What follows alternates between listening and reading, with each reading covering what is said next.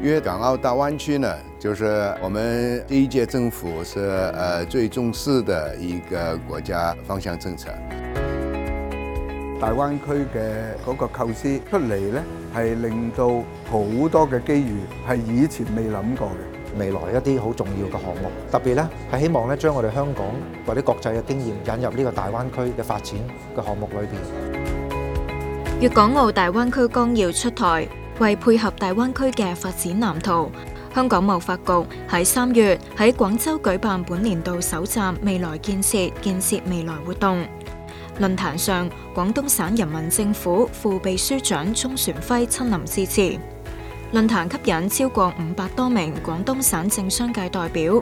參與討論環節同商貿配對等交流活動，讓粵港兩地企業共同探討智慧城市嘅發展同規劃。香港呢是一國兩制下面呢是是一個最國際化嘅一個城市。那么在金融啊、专业服务啊、贸易啊、航运啊这方面呢，都是已经是发展多年，在世界上面也处于一个领先的呃地位。所以呢，我觉得香港在大湾区里面呢，肯定可以服务啊我们这个湾区，呃，辐射到呃世界各地去的。论坛聚焦智慧城市科技，以及探讨城市可持续同综合发展。香港呢，就以前嚟讲呢，一落大雨呢就水浸噶。但系呢十年八年呢，就用咗一个方法去诶、诶管理呢啲水。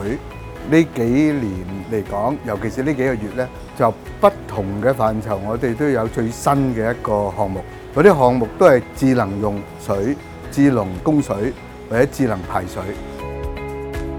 香港咧，因為地少咧，所以咧喺學校嘅設計咧，好多時咧都係垂直嘅學校，特別咧係誒多層嘅校，甚至喺呢啲運動場啊、體育體育場嗰度咧唔夠地嘅話，我哋擺晒屋頂嘅。其實喺國內咧比較少有，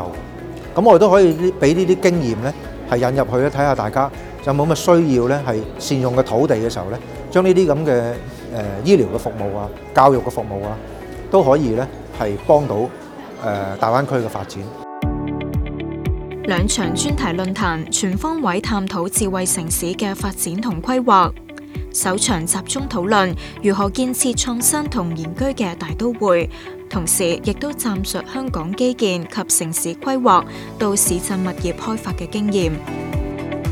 而家智能城市咧，一定要設計海綿城市。我估好多其他城市。或者新嘅設計嘅城市都會採用呢個概念。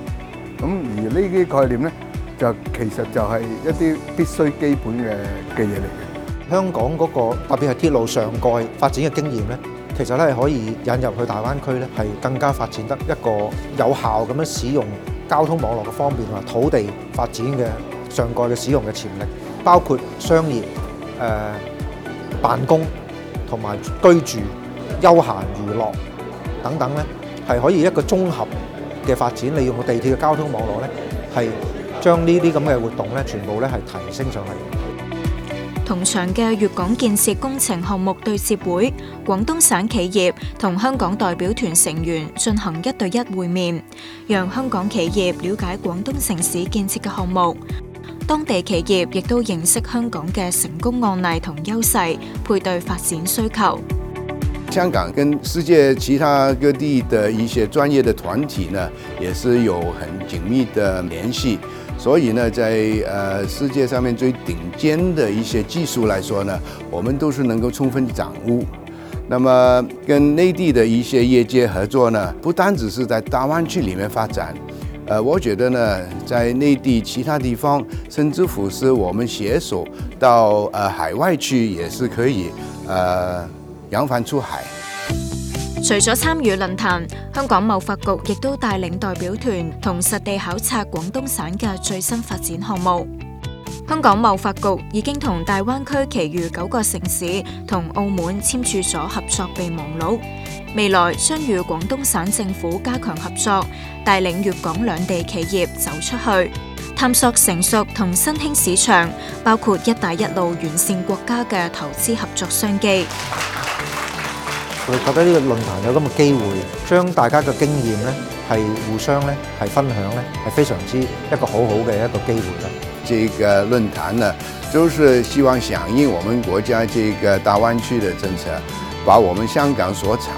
能夠貢獻給國家所需，能夠共同呢，就是呃為我們的大灣區的建設呢貢獻一份力量。